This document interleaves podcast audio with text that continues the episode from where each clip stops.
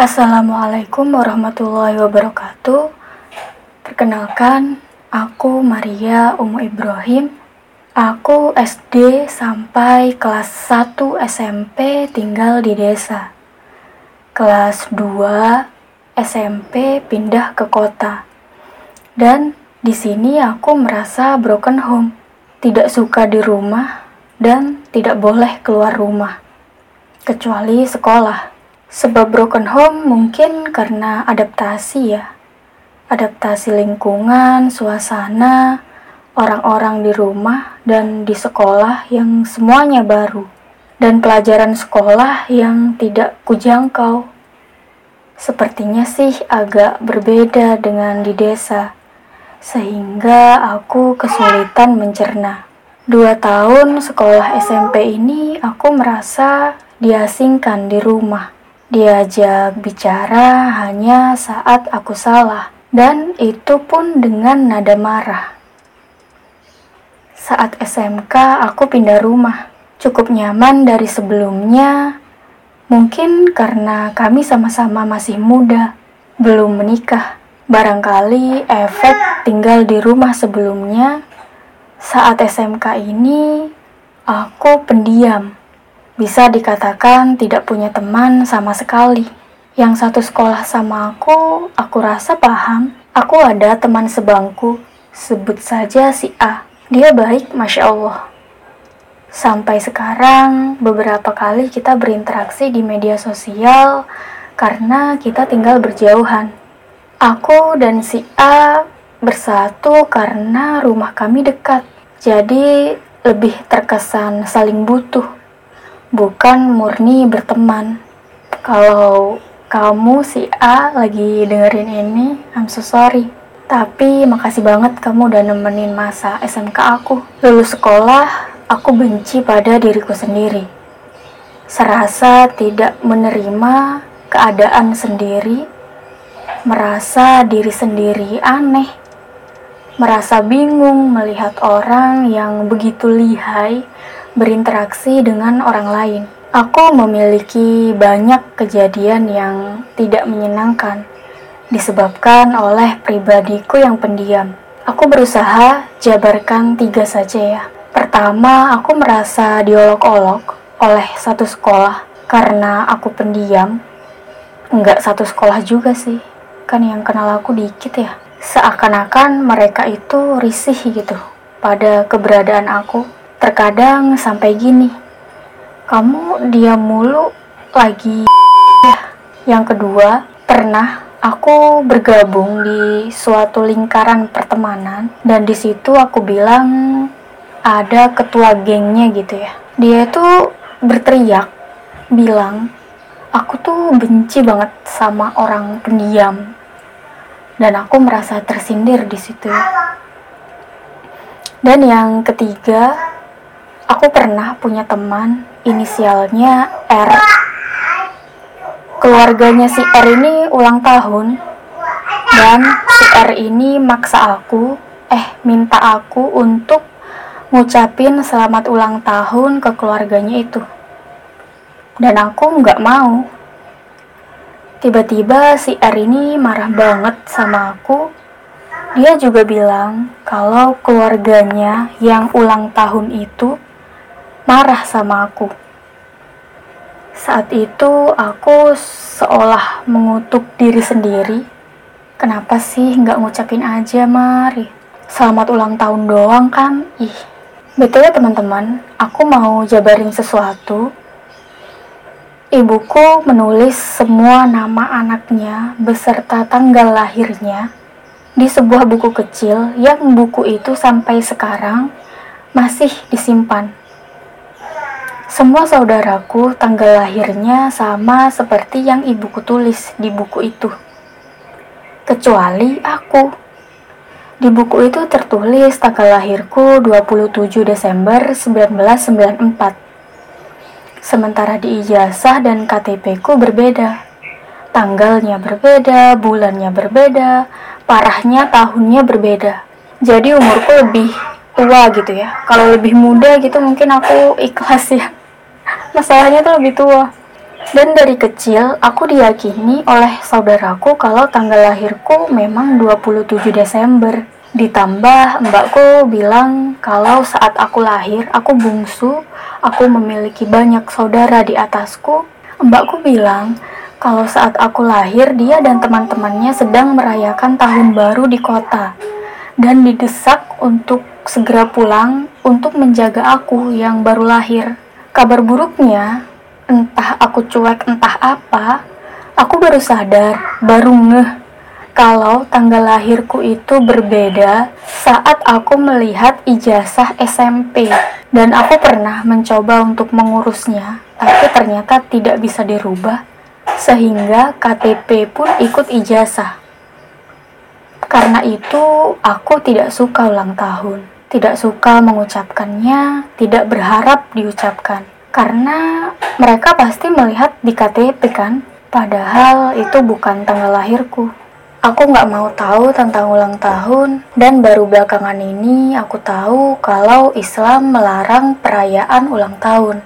Oke, back to topic. Karena aku merasa tidak disukai sebagai seorang yang pendiam, yang membuat aku tidak menyukai diriku sendiri, Akhirnya aku berambisi ingin menjadi orang yang banyak bicara.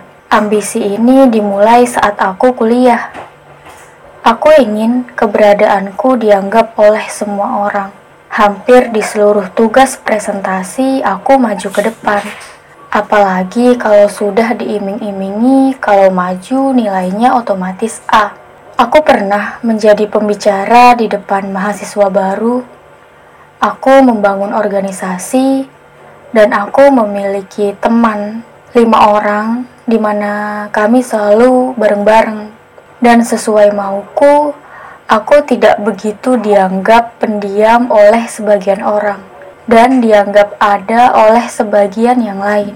Tetapi di sini aku hanya berbicara yang menurut aku perlu dan mengkritik yang menurut aku salah. Karena sekali lagi sebelumnya aku hanya diajak bicara saat aku salah.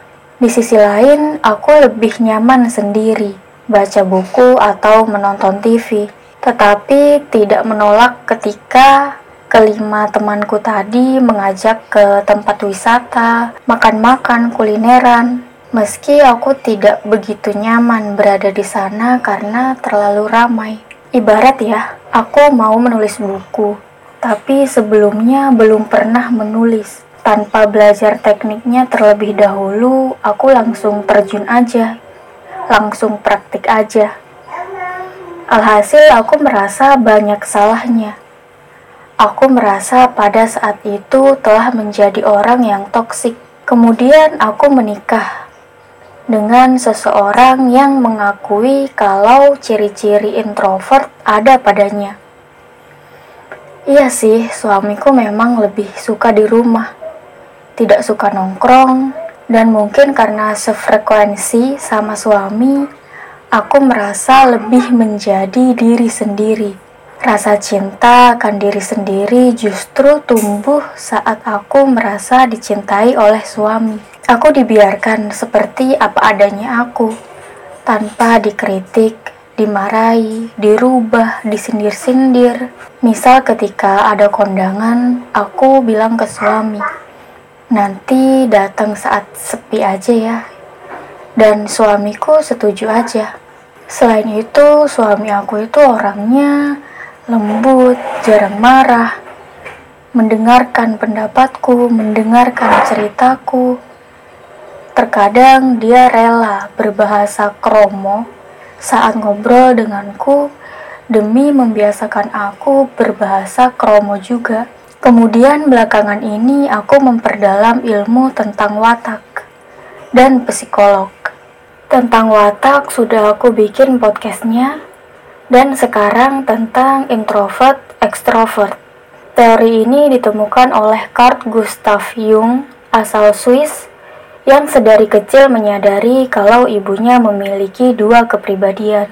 Siang hari ekstrovert, malam hari introvert. Ekstrovert adalah orang yang mencarger energi mentalnya dengan berinteraksi dengan orang lain.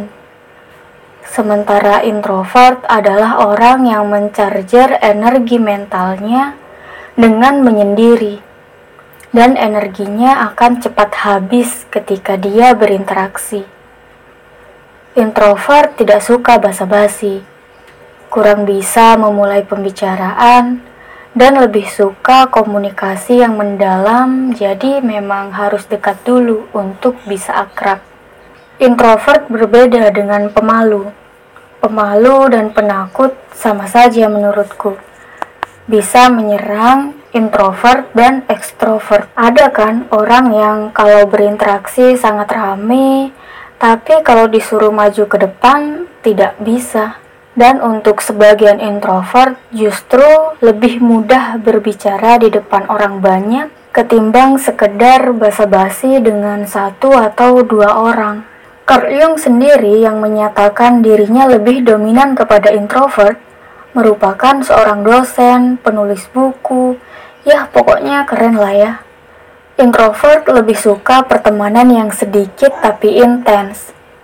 Introvert tidak benci orang lain meski terkesan seperti itu. Dia cuma tidak suka terjebak obrolan dangkal yang membingungkan. Jadi, kalau kata aku lebih ke to the point, kamu punya perlu apa? Introvert bukan penyakit yang gak bisa disembuhin. Karena ya itu hanya caranya mengisi energi dengan menyendiri. Aku sendiri pernah sangat pendiam.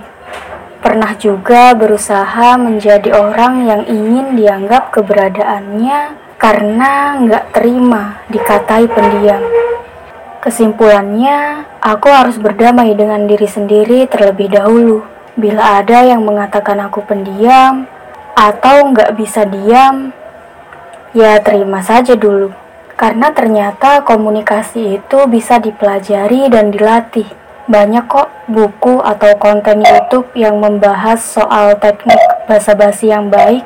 Pembahasan yang baiknya dihindari saat mengobrol dengan orang lain, misalkan bicara tentang gaji, umur, body shaming, mengendalikan minder dan meningkatkan rasa percaya diri, bahasa tubuh yang elegan, berbicara yang elegan, berpenampilan yang elegan, teknik komunikasi asertif yaitu penolakan atau ketidaksetujuan dengan perilaku orang lain tanpa menyakiti orang tersebut dan lain sebagainya yang insya Allah akan aku jadikan konten di podcast ini. Sekian dari aku, please visit my Instagram, Uma Kreatif. Thanks, Barakallahu Fikum.